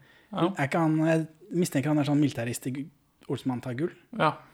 Og sikkert eh, vakt i forrige film. Ja, det tror jeg. Men iallfall, dette brekket går ikke så bra, da, for Kjell bråker så fælt, og da løper de av gårde til Vigelandsparken. Men her gjemmer Kjell og Benny seg oppi den fontena. Ja, Oppi det fatet som ble holdt oppe av mange menn. Ja. Det er gøy. Ja. Morsomt bilde. Morsom bruk av Oslo. Og så starter vannet, selvfølgelig. Ikke sant? For det er, det er ikke noe vann oppi der. Og så sitter de oppi der. De stikker de dumme hodene sine opp med de dumme hattene sine og ser dumme ut. Og han fyren sitter nedpå der og venter og lurer på hvor de har blitt av. Og så starter fontena. Du, har du sett maken til idioter? De har sittet under springvann i Frognerparken i tre timer. De bare gir Altså, limousinen til kongen av knekten er parkert i Løvebakken. Ja. I, liksom opp til Stortinget. Da, da er du fin, folk. Ja, da, da er du fin på det. Hvis du er parkert ved løvestatuen på Stortinget. Egon har gjemt seg i bagasjerommet på den flotte limousinen og ser at kongen setter pengene i en bankboks. Og stikkordet er fullt hus. Jeg vet ikke hva det betyr. Hvor det har aldri hatt bankboks. Ja, det virker som at du, har, du kan enten få en lapp som du fremviser for å komme deg inn i bankboksen din, eller du kan bare komme med et stikkord. Det virker som et veldig utnyttbart system. Ja, det gir sikkert mening for folk som hadde bankboks på 70-tallet. Eh, Egon overhører dette, så da tenkte jeg ha, han skal han liksom gå og si stikkordet, men det er ikke det han skal. Så det, er tydeligvis, det fungerer visst ikke bare sånn. Nei. For Egon ringer til Hermansen, som selvfølgelig er degradert. Han sitter og snakker med en turist. En Noruega, ver la montaña. Eh, Men han, eh, Egon ringer Hermansen, ja, som holder på med dette, og tipser om kofferten. Og så når Hermansen da kjører av gårde, kommer til banken så, og løper ut, så rigger Egon døra på politibilen. Han låser den sånn at den blir låst når han smekker den igjen. Og Hermansen ringer sjefen, og sjefen er mest opptatt av presse igjen, så det er eh, politisk nært. Sparker oppover. Og når Hermansen da kommer ut med kofferten, så skal han inn i den eh, portebilen så er den låst allerede, så da må han fiske ut nøkkelen, og da setter han fra seg kofferten, og da får Egon forbyttet kofferten. Ja, det er en gøy løsning på greiene, og ikke umulig heller. Det føles ut som noe som kunne ha skjedd. Så er vi på taket av Grand, og nå får vi se Oslos tak. Ja, nå får, Mer Oslo-bilder. Hvilken film er det man får flashbacks til nå, om man har sett alle filmene i podcastens rekke? Uff, det måtte være eh, Den forsvunne pølsemaker. Det er korrekt, og dette er samme tak som benyttes i den som vi ser først. Ja, og her er det tydeligvis en balkong på taket av Oslo. Er det det på ordentlig? Ja, den må jo være det, da. Den er langt inne på taket, liksom. Det er jo Du vil jo se mest tak. Ja, men du vil jo også være helt skjermet, så du kan sitte der på toppen av Oslo og onanere så mye du vil. ja, hvis det er målet ditt når du først er på Grand Hotel. Eh, og det er her kongen og knekten da, sitter på denne balkongen og bruker penger. Det er liksom det, er det vi får se. Og regningen for tre dager med å bare bruke så mye penger du kan, det er 62 000 kroner. Det, det var ikke så dyrt. Det er, Det er 62 det er 20 000 kroner om dagen, men hvis du har bodd på den flotteste suita på Gran og brukt penger hele tiden Jeg har, en, jeg har noe Alltid drukket champagne. Aldri vært, hatt glasset tom for champagne. Jeg har et konsept jeg må introdusere deg for eh, innad økonomi, Henning. Jaha. Eh, inflasjon. Det har jeg ikke hørt om. Nei, det, så det, 62 000 kroner var verdt mer. Før? Ja. Yes. Hvor mye har det vært, da? Altså 62 000 kroner i det herrens år 1974 eh, tilsvarer i dag 415 000 kroner. Ja, det er jo litt mer penger. Det er jo fort en eh, litt sparsom årslønn brukt på disse tre dagene. ja. ja, da snakker vi. Så det blir litt vanskelig å ta igjen dette i oppvaskpenger. Det er korrekt. Egon ringer kongen, her får vi vite at kongen heter Victor Emanuel. Og Egon sier at kongen må se på politisjefens pressekonferanse. For denne pressekåte politisjefen har kalt inn til pressekonferanse for å åpne kofferten. Eh, og det gjør han live on television istedenfor å sjekke først. Ikke noe lurt. Dum taktikk for store og små. Oppi der så er det bare noen telefonkataloger, tror jeg. Så Egon drar hjem til Kjell, og Kjell og Benny er kalde og våte, for de har sittet i tre timer oppe i en fontene i Frognerparken. Eh, Og Egon har pengene, da, og han har en plan. Som om ikke pengene var bra nok, og de bare kunne dra sin vei. Men det er jo en plan for å dra sin vei med pengene. Den oppblåste skrytepar. Dette går over alle grenser. Jeg, jeg, jeg, jeg, klarer ikke mer. Jeg, jeg, jeg gjør ikke, jeg klarer ikke mer. Kongen er sinna. Ja, veldig. Veldig sinna. Og, men knekten foreslår Knekten har løsningen. Han skal knivstikke dem. Som alltid. Ja, ja, naturligvis. Og det, spør du meg, så er det helt innafor når du først er en skurk, da. Det hadde vært eh, gøy å se åssen det hadde gått. Ja, det blir jo fort litt annerledes stemning Lite grann. på filmen. Frank Robert har et sånt merkelig ansvar for slapstick i den filmen. der. Ja, det er en sånn eh, tre ganger er humor, men vi gjør det bare to ganger greie. Ja. Nå skal det komme noen hotellportører med noe greier inn på rommet. Og da står han ved døra, og siden døra blir åpnet, så blir han bare kasta bortover gulvet som en sånn spøkelse i en skrekkfilmeffekt. Ja, jeg vet ikke, han skjener bortover gulvet som om det var nybonda da. Ja. På magen. Det skjer en gang senere også, hvis ikke jeg tar helt feil. Ja, han, det skjer noen greier når han skal slå ned en dør. Ja, ja, det er sant. Men eh, Hermansen i Hermansen avhører han bankfyren Ja. eh, for å høre hvordan dette var, for det var jo ikke penger i den kofferten. Og da viser han fram masse sånne skurkeheadshots. Vi får se kongen, som han bankfyren ikke kjenner igjen fordi kongen var så flott og fin. Det, var, det er politisk snert i dette. Han hadde jo fin dress på seg, gikk med stokk og greier. Det var ikke han skurken til det bildet her. Tanker om den politiske snerten? Er et eller annet om at man blir behandla ut fra hva man kler seg til. Ja. Hvis man later som man er fint folk, så blir man behandla som fint folk. Fake it till you make it. Det siste skurkebildet er Knut Bovim. Ja. Ja, det nest siste er eh, Egon Olsen, det stemmer. Knut Bovim igjen. Hvis du teller den at han er sjåfør to ganger, som helt sikkert er spilt inn på samme dag, eh, men det kommer på forskjellige steder i filmen, så har han tre cameos i den filmen der. Det er jo en ny rekord. Ille måned. Men så er vi på Fornebu, fordi eh, han eh, bankmannen fingerer jo Egon Olsen. For han ser litt mer sluskete ut, og ble da gjenkjent for å ha vært i hvelvet på tidspunktet hvor Ja, tydeligvis. Og Egon er på vei til Fornebu, og politisjefen eh, og, og Hermansen og alle liksom, de samler seg der med pressen for å ta dem. for nå, nå er Hermansen på sporet. Nå har vi dem. Hvordan går dette, da? De blir jo tæsja av snuten, da. Og strip-searchet De står der med og dekker til kjønnsorganene sine med hatten sine, men de har fortsatt på seg sokker. Ja, humor. Det er moro, det. Men de har ikke med seg pengene, så Hermansen får sparken igjen. Og NRK er der. De filmer ikke, heldigvis, da, at de er nakne. Nei. Men de nevner i sin rapportasje senere at tre Mallorca-turister har blitt trakassert på det verste av politiet. Ja, det er jo bra da, at eh, pressen tar ansvar der. Mm. Men mens dette skjer, så eh, er Er det planen til Egon Olsen og at de skal bli tæsja? eh, Ja, det tror jeg. Hvorfor det? Eller Det er vel for at Hermansen ikke skal kunne gjøre det igjen. Ja. Det er sånn Jeopardy. Double Jeopardy-greier. Mm. Eh, Men før Hermansen dukker opp på flyplassen, der, sånn, så har de også vært hjemme hos Kjell og ransaka leiligheten deres. Og da kommer nabokona inn og sier ja, men de dro jo til Fornebu. Hvem er denne nabokona? Vet jeg ikke. Edith Kalmar. What?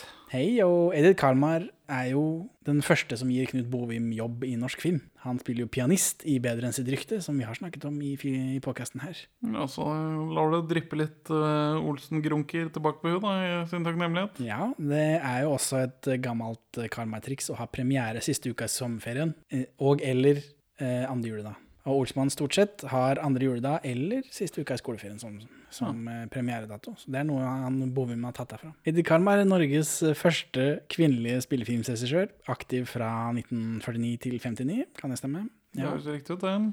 Eh, som regissør, da. Så driver hun stadig og, og skuespiller her, her og uh, i Asylet på Midt i smøret. Sånt noe. De blå ulvene. Jeg lurer på om den er med i en sånn Pella Proffen-film også.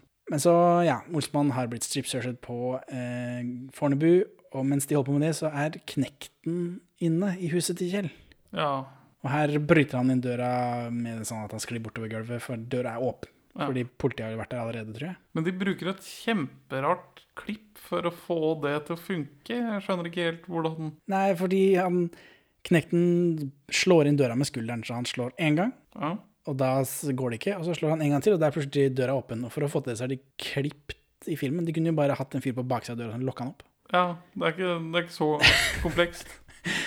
Nei, men Men det eh, koster jo penger å ha en fyr bak døra. Det, det er sant. Og, Altså, Knut Bovim er jo et sånt, sånt, et sånn enmannsorkester, bare for filmproduksjon.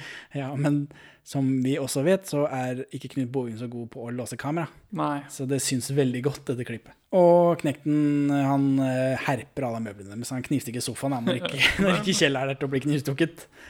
og så treffer han Kalmar på vei ut. Eh, og Edi Kalmar tror at Knekten skal hente en koffert som banden tydeligvis har satt igjen hos henne. Så jeg tenker ah, shit. Ja, det her Her, for nå blir du lurt altså? eller er det bare jeg som det er derfor det står idiotkjerring her. Ja, ja. Jeg blir så sur på at hun ikke har klart å følge det oppdraget hun har fått. Ja, men det viser seg at det er det oppdraget hun har fått. Ja, hun har... For da tenkte jeg også, hvem er det Kjell, eller hvem er det Olsmannen har tenkt at Edith Karmar skal gi koffert til, om ikke Eller altså, hvilken fyr har hun fått beskjed om å gi koff pengekofferten til?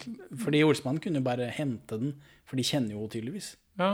Tenkte jeg, når jeg så på dette. Hva er dette for noe? Det viser seg jo at det er for å lure og plage stakkarskongen og stakkarsknekten. Så banden går ut på rullebanen der sånn, og så bare, for de skal opp til flyet, og så zopp, svinger de av. De dropper det flygreiene. De går bare rett ut på rullebanen. Det var andre tider, si.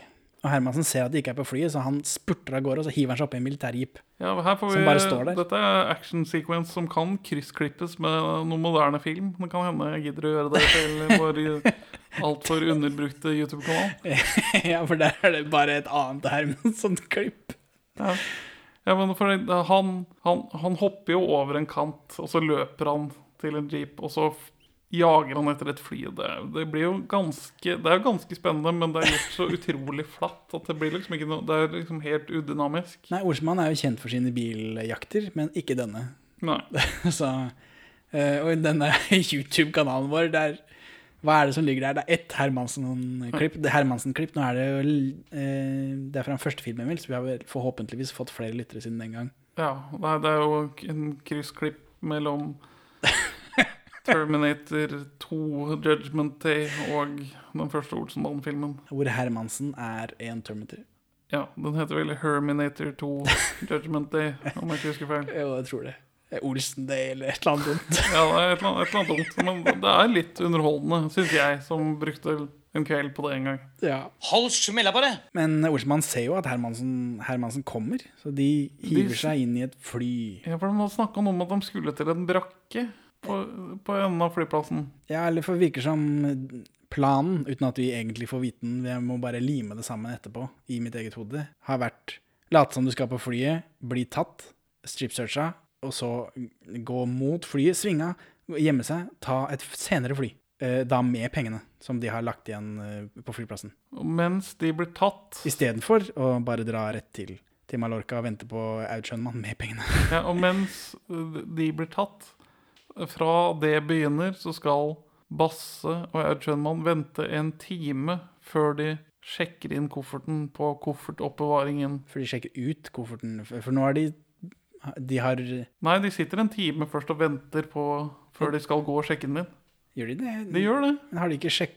Ja, kanskje. Ja, Jeg trodde de sjekka den inn først, jeg. For det, det Senere så ser jo Wenchesteen ser på TV denne reportasjen om at eh, de tre stakkars mennene har blitt trakassert, og da får vi se Aud Schønmann levere kofferten. Ja, men for De skal vente en time med å sjekke, i, de skal sjekke inn kofferten. Eller de skal vente en time, sjekke inn kofferten, og så skal de dra og hente falske pass. Har de ikke ordentlig pass? Kan de ikke bare bruke ordentlig pass? Det, nå vil de vel forsvinne eh, det, Jeg vet Det ikke. gikk noe mening, eh, egentlig. Jeg tror ikke det er meningen å tenke så nøye på det. Ting skjer bare. Ikke tenk på det. Olsemann i situasjoner. Og så er det dette konfirmasjonplottet med Aud Schønemann som sitter og prøver å finne noe som rimer på basse. Tenk, her sitter vår egen basse, en liten herre på 15 år, og han En har liten herre på 15 år, og så videre. Og han har Vet ikke. Rasse. Ja, det det, er det eneste jeg kom på. Rasse, dasse Ja, nei, jeg vet ikke. Men uh, ja. Olsmannen i situasjoner. Dette er en ny situasjon for Olsmannen. Eh, de blir jaga Hermansen. De kaster seg inn i et fly. Og det flyet tar av gårde. Ja, men det flyet venta på tre karer. Ja, og det, tre karer kom jo. Ja, ja. Så da kjører de. Så rare klær de har på seg. Ja, Det er sikkert et eller annet i det showet de skal være med på. Fordi de venter på tre fallskjermhoppere. For de skal slippe tre karer utover Øvrevoll. Altså på Bjerke. Og, og dette, dette skjer jo i virkeligheten nå. Altså, At, at folk hopper fallskjerm som show, ja. At, at man er på en eller annen event, og på et visst klok- klokkeslett så kommer det noen i fallskjerm. Ja, det stemmer. Men er det gutta som hopper eller ikke? For nå var det Selvfølgelig er det ikke det. Nei, nei, men nå Altså, Kjell var såpass godt kamuf- kamuflert den gangen her at jeg ikke klarte å Ja, nei, eh, 100 ikke. De kasta ikke Arve Oppsal, Karsten Byring og Sverre Holm ut av et fly. Har du sjekket dette? Det er ikke så vanskelig å hoppe i fallskjerm. ikke. Jeg trenger ikke, faktisk. Jeg tror ikke de hadde sagt det den gangen vi hoppa i fallskjerm. Det var farlig, det.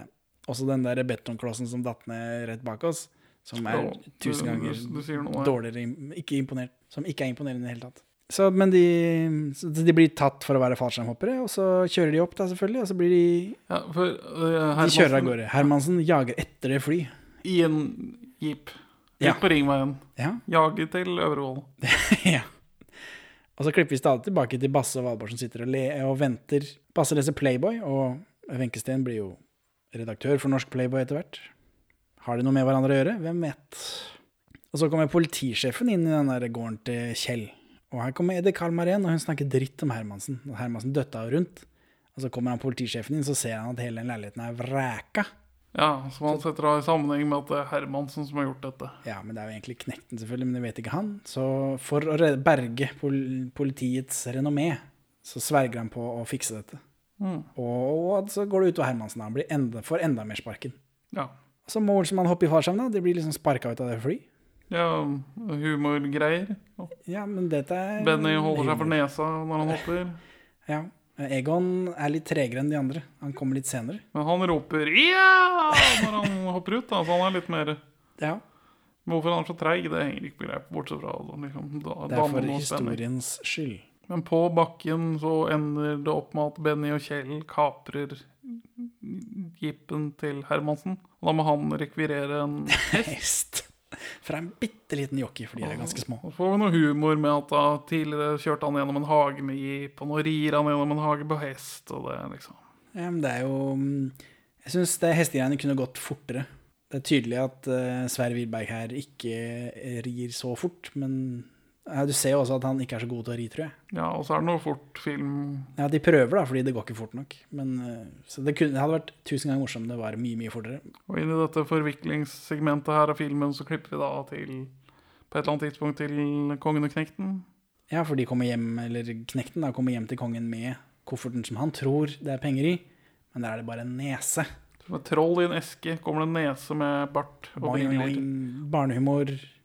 Og her går Wenche Steen rundt i en sånn gjennomsiktig neglisjé sammen med onkelen og broren sin i dette hotellrommet. Det er, det er litt rar stemning her. Det var, det var andre tider, si. Naturligvis. Olsen. Kjempenaut! Eh, hva var det?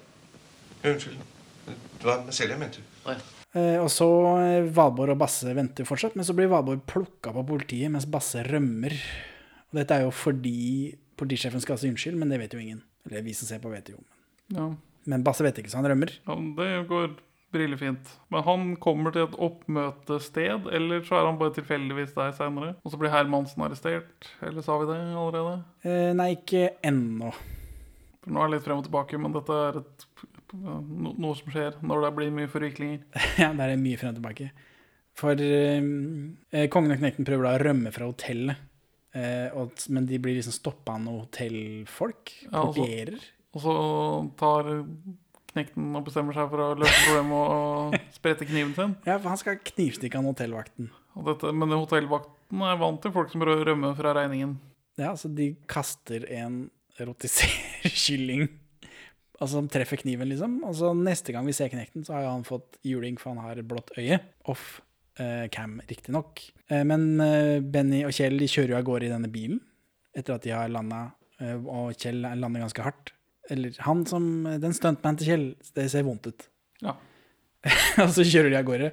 Og så plukker de opp Egon fra et tre, så jeg er ikke helt sikker på hvorfor ikke han kunne være med til å begynne med. Det er gøy å se Egon henge, altså den mest autoritet være uskadeliggjort ved å dingle i et tre. da. For jeg tror ikke det er noe mer enn det. Og de skal tilbake til Fornebu, da. For, for nå er de jo liksom på rundtur. Eh, Og de kjører, kjører av gårde, da. Og her, ser, her klipper vi til Wenche Steen, da. Eh, For nå er jo kongeknekten er tatt av Grand Hotell. Ja. De er nå gjeldsslaver Surfs i- hos Grand Hotel. Treller til Grand Hotel. Kulturidioter! Wenche Steen ser på TV denne pressekonferansen som ikke blir noe av, eh, og så ser hun at Valborg gir fra seg kofferten til en sånn eh, oppbevaringsgubbe. Ja. Men hvordan kjenner Jenny til Valborg og Basse? Det er jo eh, Mellom filmer så er det etablert at kongen og knekten og Olsemannen er kjente gjenger for hverandre. Det virker Men Jenny er jo innhenta spesifikt i denne filmen. Nei, altså Jenny er jo like foreldreløs som knekten. De har jo vokst opp sammen. Antar jeg. De sier ikke noe om det. Dette er, det antar jeg. Jeg tror ikke det er den feilen du tror det er. Men hun, hun, hun har aldri Hun har vært med hele tiden. Hun har aldri interagert med Valborg Basse. Nei, men altså Kongen og knekten hadde jo ikke hatt noe med Olsmann å gjøre heller, før i åpningen av den filmen her, hvor de bare Å, dere kjenner vi, vi kjenner hverandre så godt. Den mellomfilmen som er mellom Olsmann 4 og Olsmann 5, altså Olsmann 4,5, eh, som handler om at de treffer hverandre alle sammen, den må du finne på sjæl i ditt eget hode. Ok. Denne bagasjemannen, da, kjenner du han? Er det han Nei. Det er Jan Pander Olfsen. Alle i norsk kulturliv er i slekt, og dette er jo gubben til Aud Schønmann. Ja. Men så blir Hermansen arrestert. Han blir satt i tvangstrøye. av Ja, for han, er- politisjefen. han er jo vurdert som Ja, gal. ja, for de tror at han har herpa eh, leiligheten til Kjell, stakkars. Så er vi på Fornebu, og Basse treffer banden igjen. Valborg er jo arrestert, tror de, da. Eller tror han. Og kofferten er på oppbevaringen. Og så, mens Egon er på, for å hente kofferten på oppbevaringen, så, så, begynner Benny og Kjell å drikke, for hele veien så har de hatt med seg taxfree-posene sine. Ja, det overlevde dette fallskjermoppholdet, det hele. Ja, det var gøy, for det hadde jeg egentlig glemt. Og så plutselig Ja. så sitter de der og drikker. Tenkte jeg, hvor fikk de det fra? Å ja, det er disse taxfree-posene. Eh, og mens Egon går for å gjøre dette, så er Wenche Steen kjappere ute, så hun henter kofferten fra Jan Pander Rolfsen. Er, det sånn, er det sånn det er? Kan du bare gå og si jeg skal, eh, 'den kofferten der vil jeg ha'? Men dette blir jo litt det samme som med at kongen ikke blir tatt fordi han er så flott på det. Så slipper, slipper veldig pene damer unna med ting som oss mindre pene damer ikke kommer unna med. Ja, sitat eh, men's right activist Benjamin. Nei, men altså, også pene menn, det samme gjelder for de òg. Altså, hvis du er veldig attraktiv, så blir du møtt litt mildere av verden. Og du blir litt mer seksuelt trakassert. Det er iallfall det som skjer. Men hun bare plukker den opp. Men det virker som Egon etterpå også bare kunne plukket den opp, hadde den vært der. Social engineering heter vel dette. De påstår vel at de eh, er i slekt. Ja. Det er greit. For Jan Panderolfsen, da, som ikke er så nøye på det. Det blir jo en slags callback da, til hva som skjedde med kofferten sist gang. Eller kofferten har blitt oppbevart tre ganger i løpet av filmen. Da. Ja, det er litt sånn kronglete. Og nå klipper vi til Benny og Kjell som er drita i jeepen. Ja. Eh, Det er gøy å se at de er drita, men hvorfor er dette med? Det har jo ikke noe å si. Det er morsomt. Ja ja, vi får se da om det er noen danske greier. Egon skal hente den kofferten, men Wenche har den jo allerede. Er- jeg- Han spør hvordan sigarina hans ser ut, og blir forklart at hun var aldeles deilig. Helt strålende. Helt strålende. Og det, da skjønner han med en gang hvem det er, fordi de kjenner hverandre alle sammen. Og så ser han henne, at hun er på vei inn i flyet, ute på rullebanen. Så da beiner han ut på ru- rullebanen. Men nå ble han arrestert av politiet. Så Ja, man han kan blir- visst ikke gjøre hva som helst på en flyplass i- på Han, 70-tallet. han blir ikke trodd på at det er hans koffert, for han prøver vel å si det uten at vi hører det. Da vinner hun fordi hun er en pen dame. Ja, og han ser ut som en slusk. Så Wenche kommer jo av gårde med kofferten, da, mens kongen og knekten må vaske opp i kjelleren på Gran hotell. Eh, og i wrap-upen her så må Kjell og Basse de går hjem, og Benny vil ikke være med opp. Jeg er ikke sikker på hvorfor. Han sier han har noen greier. Ja, jeg tror kanskje han er bakfull ja, etter å ha gått av seg rusen hjem fra Fornebu. Det er en ganske frisk gåtur fra Fornebu til kampen. Til kampen. Jo, for så vidt. Men så vidt vi vet, så har ikke Benny noe sted å bo. Vi Nei. ser aldri at han har et sted å bo. Det, han Hvor er det han skal? Hva er det han, hva er det han driver med? Bennys hemmelige liv. Hva er det? Men når de kommer inn, da, så blir de veldig overraska fordi alle møblene er klin nye, og Valborg maser rundt. da. De trodde hun var arrestert, eh, men hun har jo vært der, og alle politisjefene har erstattet alle møblene som knekten ødela, fordi han tror det er Hermansson som gjorde det. Hun, han har også gitt henne 5000 kroner, Ja. til, så da har de penger til denne konfirmasjonen. da. Altså, hvis, man, hvis man følger litt med på dette rommet her, da, så ser man at eh, de har fått installert eh, noe av det flotteste man får av tannbergutstyr på tidspunktet. Det ser ut til å være Tandberg TL 5020-høyttalere, som er gromme saker. Ja, så har hun tatt fra oss nok en gang vår tapre boss. Vi kan bare sørge over Egon Olsen der han sitter nå. Der han sitter helt aleine nettopp nå. Egon blir kjørt i fengsel, og så får vi denne sluttsangen med tekst æsj. Æsj. Spar dere. Ja. Spar jeg dere. jeg håper dette er den eneste. Jeg antar den er den eneste hvor de gjør det, men jeg vet jo ikke. Vi får se, det kommer det sånn techno-trans-remix på slutten av den siste. da. Vi kan bare håpe. Så, Benjamin, hvorfor vil du ikke anbefale Olsmannen møter kongen og knekten fra 1974?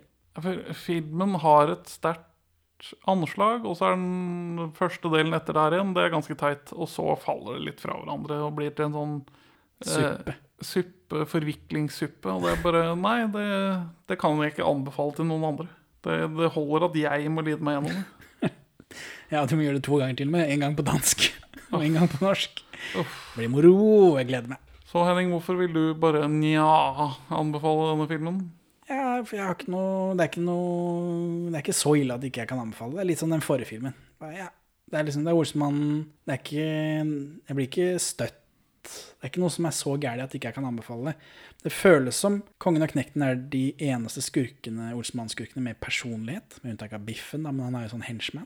Er ikke Hermansen skurk i Olsmannen? Eller han er jo politiskurken, mens den skurkeskurken som de skal stjele fra hva heter de for noe? Hallandsen og Bang Olufsen og Bang Hermansen og alt dette. Den gjengen der, de har ikke noe ansikt. Nei. Det er bare en, en roterende gjeng med, med norske skuespillere. Det for, for dette er jo karakterer på linje med Olsmannen, og det er rart at de bare blir brukt én gang. Og denne, Ja. og denne cameoen, da. Det er noen Bizarro Olsenbanen. ja. Og det blir litt mye sånn Kongen av Knekten på hotellrom. Det kunne vært mer sånn høk over høk. At de drev og toppa hverandre hele tida. Sånn som det Ja. er i begynnelsen, hvor de driver og topper hverandre. Ja, at, Og så blir det bare borte, og så blir det en sånn jakt på koffert, fordi Olsmannen er jaktfilmer. Hovedproblemet med formelen til denne filmen er at det er rart at det går så dårlig med Kongen og Knekten. For Olsenmannen er jo liksom tapere man heier på. Det går som regel ikke bra til slutt. Men, men de andre går det verre for her. Altså De havner ikke i buret, men de havner jo i en sånn slaveeksistens. Jeg vet ikke, jeg følte, ikke, jeg følte at de ikke fikk noe ordentlig comeuppance, jeg. Han har fått litt juling, og de må vaske opp, liksom. Vaske opp er, det er Donald-straff. Mens Egon sitter jo i fengsel sammen med hardbarka voldtektsmenn og, og mordere. Han må jo han må sove på ryggen han i ni måneder igjen. Ja, men det mangler en eller annen kontrast her, da. Kan ikke slippe såpa på ni måneder. Det er fint at kvinnen stikker av med pengene, da. Det er jo Ja, humorgrep, da. Men jeg syns det er rart at de Kongen og knekten virker så utrolig etablerte, Altså så blir bare brukt én gang. Det er no, det er så, de er så superspesifikke typer. De kunne brukt de mer. Så, men jeg har ikke noen grunn til å ikke anbefale. Det er helt greit. Jeg er ikke superfan av denne filmen. Og så er det fint med noen skurker med personlighet. Det er egentlig det. Ja. Så skal vi ranke disse. Husker du rankinga vår? Det er på førsteplass Olsmann og Dynamitt-Harry går amok, den forrige filmen. Og så er det på andreplass Olsmann og Dynamitt-Harry, som jeg er uenig med, men sånn er nå det. Og så er det på tredjeplass Olsmann tar gull, og så er det på fjerdeplass den første Olsmann-filmen. Den handler så vidt over den første, da, tenker jeg. Altså, du vil ha den under eh, Olsmann tar gull? Du vil ha den eh, Ja. Er ikke det greit, da? Jo, Olsenmann tar gull føler jeg er bedre. Ja, ja, den, den har ikke noen problemer, den òg, men den har mye mer sammenhengende sjarm eller et eller Jeg vet ikke Ja, det er ikke Nå sliter jeg med å skille Det er ikke så rotete. Fra hverandre. eh, Som jeg har inni meg, mot Olsmann tar gull, som vi har sett, da. ja. ja, det er sant. Ja, men jeg er jo eh, Ja, det er greit. Jeg er jo revnende uenig med Olsmann og Dynamitt i plasseringen vår. Så hvis vi bare ser bort ifra det, så er jo dette filmen er Jeg vil si den er dårligere enn Olsmann tar gull. Så ja, jeg er enig. Ha det bra, Benjamin. Farvel, Henning.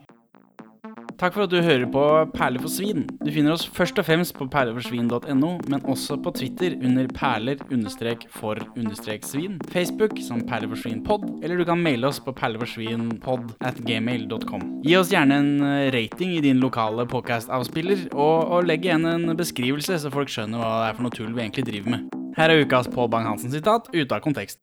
Hvorfor tror du filmene ble en sånn formidabel suksess?